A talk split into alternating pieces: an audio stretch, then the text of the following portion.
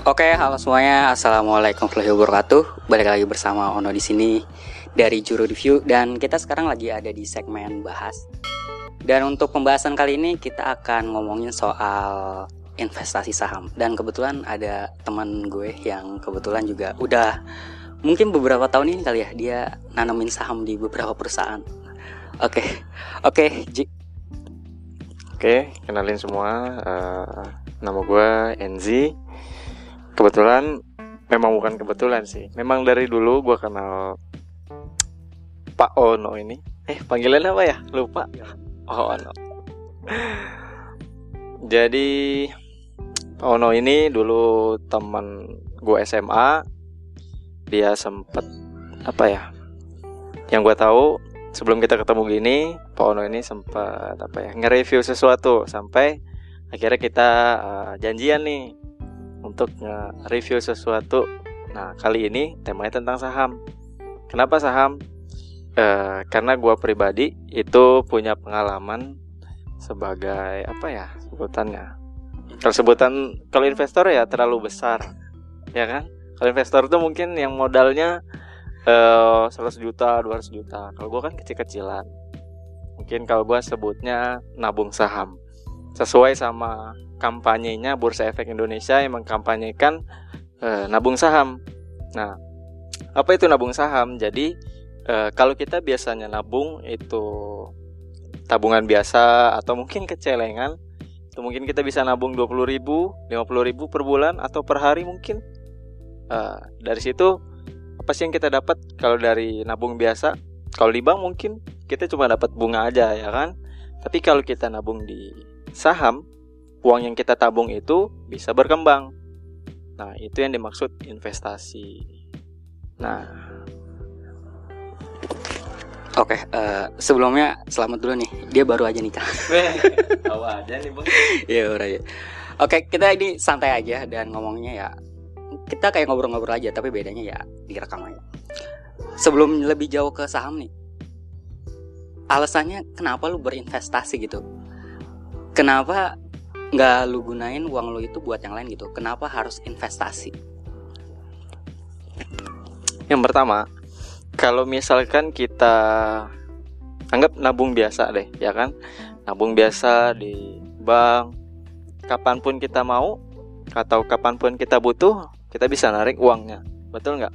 Iya. atau kalau kita lagi kepengen sesuatu kita bisa beli apa aja iya. sekarang bisa lewat mobile banking pokoknya semua serba online. Tiba-tiba saldo udah habis ya kan? Akhir bulan atau pokoknya menjelang akhir bulan udah pusing.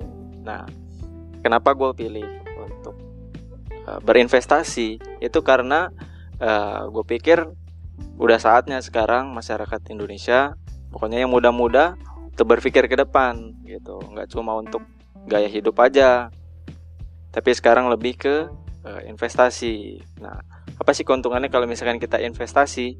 Investasi itu kita mungkin di masa depan kita pengen punya sesuatu misalkan rumah atau mobil. Kayaknya mustahil gitu kalau buat karyawan swasta ya enggak ya kan mungkin gaji. iya gaji. Gaji mungkin. Cuma di bawah apa? Di bawah 5 juta penghasilan tidak kena pajak ya. Atau UMR mau beli rumah misalkan 500 juta pertanyaannya bisa atau enggak? Mungkin bisa. Mungkin bisa tapi lama. Tapi lama. Nabung dulu mungkin atau nyicil selama 20 tahun. Kita nikah umur 26 iya. nyicil selama 20 tahun. 46 baru lunas. iya di umur kita ke 46 rumah itu baru lunas. Oke. Okay. sip sip. Oke, okay, iya. Jadi mungkin yang bisa gue tangkap dari omongannya Angie itu ya kita investasi itu ya untuk rencana masa depan. Mungkin kalau investasi itu mungkin nggak akan kelihatan hasilnya setahun dua tahun ya, tapi mungkin lima tahun atau 10 tahun hasilnya pasti akan kelihatan. Nah, dari begitu banyak produk investasi nih, kenapa lu akhirnya milih saham? Kenapa nggak emas, tanah atau properti? Kenapa saham? Oke, okay. uh, eh, yang pertama, kalau misalkan gue investasi tanah, ya tanah itu terutama di Jakarta kita tahu sendirilah, ya kan. Setiap tahunnya harganya selalu naik, naik. Apalagi kalau gue gua pribadi, gue seorang karyawan swasta, mau beli tanah rasanya susah banget, ya kan buat uh, jajan sendiri aja atau buat buatan sendiri aja rasanya masih kurang apalagi untuk beli tanah rasanya masih jauh lah kalau untuk investasi di tanah terus juga kalau misalkan investasi di emas pertumbuhan uh, nilai emas itu sendiri per tahun itu cukup lambat. Memang stabil itu investasi yang aman kalau menurut gua. Karena itu nggak terpengaruh uh, nilai mata uang dan yang lainnya. Itu paling aman investasi emas. yang paling aman. Ya emas. Terus ya yang lain ada juga kan uh, investasi reksadana atau deposito. Kalau deposito uh, pertumbuhannya juga menurut gua itu kurang kenapa? Rata-rata kalau uh, deposito sekarang ya itu rata-rata udah di bawah 7% lah. Nggak kayak beberapa tahun yang lalu itu sampai 7% per tahun, per tahun. Ya jadi kalau sekarang kalau misalkan kita invest misalkan 10 juta di investin 7% bunganya ya kan? Artinya berapa tuh? 700 ribu setahun bunganya. Nah kira-kira uh, investasi apa sih yang bisa kita uh, hasilnya itu lebih dari 7% per tahun per tahun nah akhirnya setelah gue pelajarin pelajarin terus juga lihat berita segala macam gue belajar Kira gue berpikir investasi saham adalah ya, investasi yang bisa memberikan return yang paling cepat dan yang paling besar. Tapi ada tapinya nih, nggak cuma pengembalian yang paling besar juga, tapi resikonya juga besar. Kenapa? Karena untuk investasi di saham atau di pasar modal itu sangat dipengaruhi oleh ekonomi negara itu sendiri. Terus yang kedua uh, dipengaruhi oleh nilai mata uang ya nilai mata uang itu sendiri kan kita tahu biasanya yang paling gampang terpengaruh kalau misalkan neraca perdagangan negara kita itu defisit langsung terpengaruh dolar menguat rupiah melemah lah kayak gitu. Itu juga berpengaruh juga ke bursa saham. Gitu. Nah tadi kan ngomongin soal saham itu dipengaruhi oleh uh, apa pergerakan mata uang ya kan? Mata uang. Nah sekarang kan kita kayak kita tahu nih kalau rupiah ini nih lagi melemah lah. Entah sebutannya kuat dolar menguat atau rupiah melemah ya pokoknya intinya rupiah lagi ada di masa-masa yang cukup mengkhawatirkan lah. Nah ini itu benar-benar berpengaruh sama pertukaran saham pembelian dan penjualan gitu. Sangat terpengaruh karena kan yang namanya orang investasi pengennya itu uh, nilai pengembaliannya yang paling besar. Benar nggak? Kalau misalkan di Indonesia rupiahnya melemah sedangkan dolar menguat otomatis investor di luar negeri lebih memilih investasi dalam bentuk dolar. Benar nggak? Apalagi akhir-akhir ini kan nah kita tahu Presiden Trump Presiden Amerika Serikat agak koboi ya gayanya. Pokoknya ya gimana caranya supaya Amerika jadi raja lah gitu. Mereka bikin peraturan atau ya pokoknya mempuar sempit uh, negara-negara lain ruang negara-negara lain nah kan tadi kita udah ngomongin sedikit-sedikit tentang saham lah. Nah terus sebenarnya untuk bisa investasi saham itu kita tuh harus ngapain gitu? Apa lu datang langsung ke bursa efek terus pak saya mau beli saham. Terus berapa? Terus lo ambil? Atau gimana sih sebenarnya? Oke kalau untuk investasi saham sendiri yang pertama kita harus cari sekuritasnya. Sekuritasnya sekuritas mana? Kalau gua pribadi itu ada di uh, dua sekuritas yang pertama itu uh, Mandiri Sekuritas yang kedua uh, Maybank Kim Eng nah Maybank Kim Eng Iya, Maybank. Bank. Iya, dulunya BII. Oh, iya. Yeah. Jadi gue sekarang itu investasi ada di dua sekuritas itu nilainya nggak besar sih, tapi ya namanya investasi kan kita mengharapkan sesuatu supaya berkembang, benar nggak? Gitu. Nah, yang pertama itu kita harus cari sekuritasnya sekuritas mana. Terus yang kedua, nanti kan ditawarin kita itu mau dibimbing langsung sama brokernya atau dikasih informasi seterusnya oleh brokernya atau kita otodidak belajar sendiri.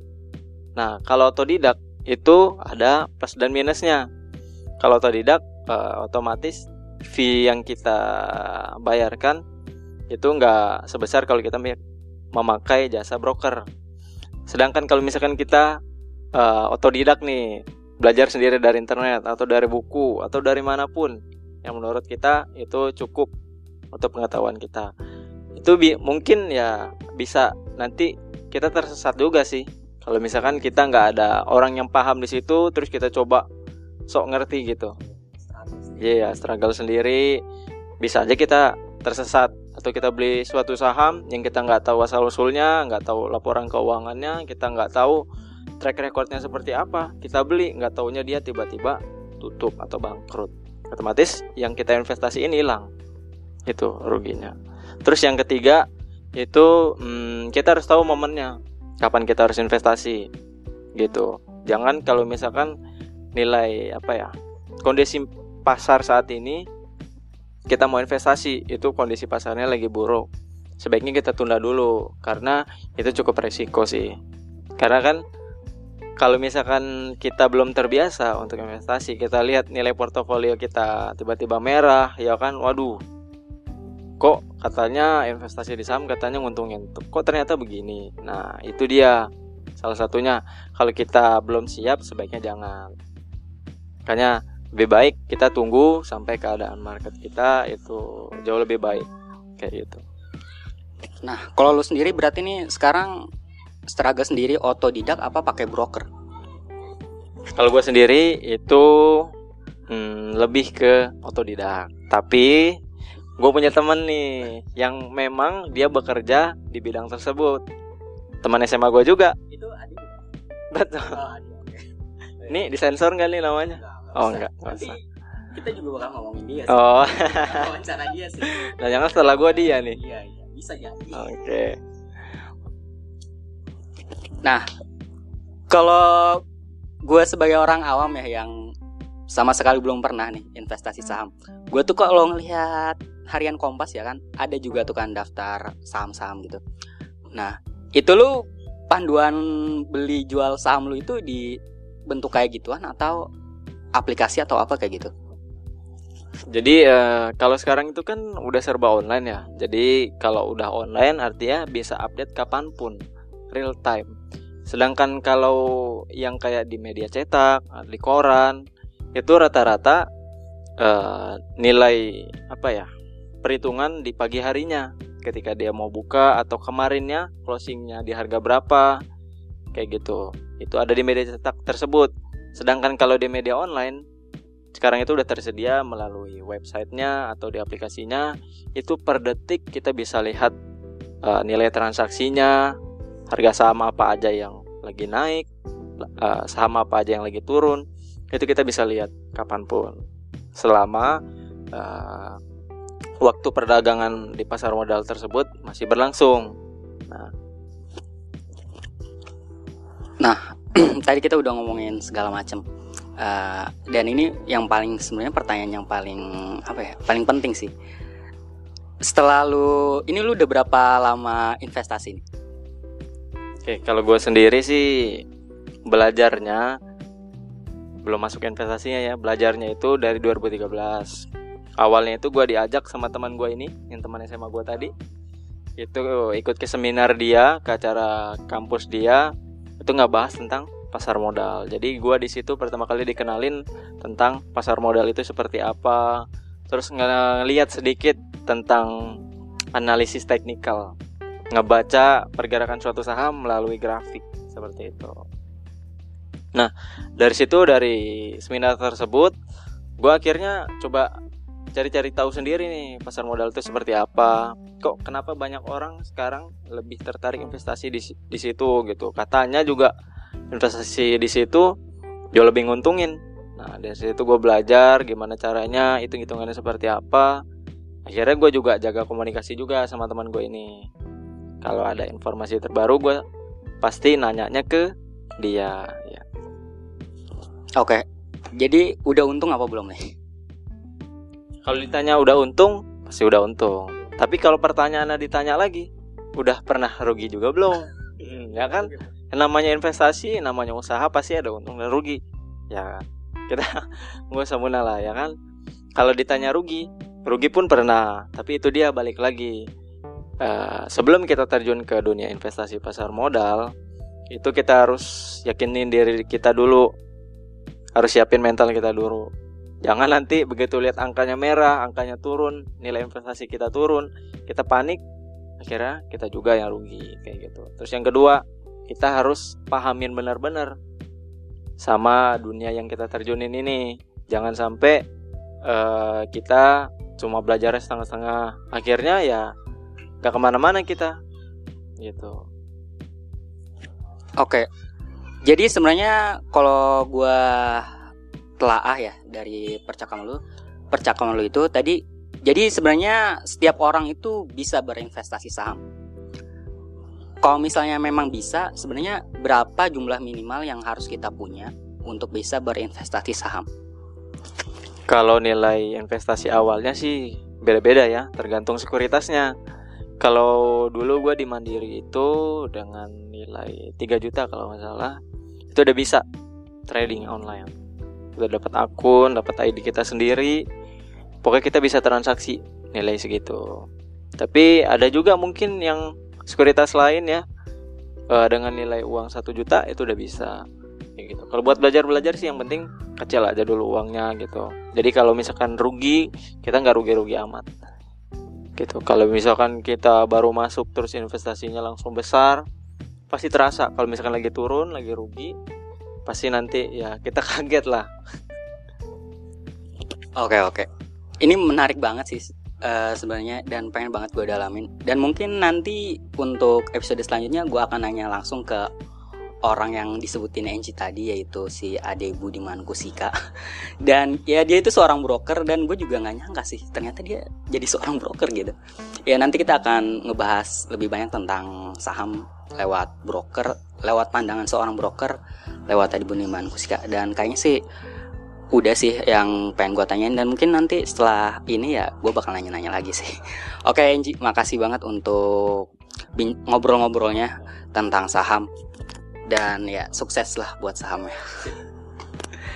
Oke, okay, uh, eh, gitu aja untuk episode kali ini dan makasih banget untuk semua yang udah nonton. Dan jangan lupa di subscribe, komen, dan share video ini kalau menurut kalian ini tuh bermanfaat gitu. Oke, okay? makasih untuk semua yang udah nonton. Saya Ono pamit. Wassalamualaikum warahmatullahi wabarakatuh. Salam Juru Review. Berapa menit?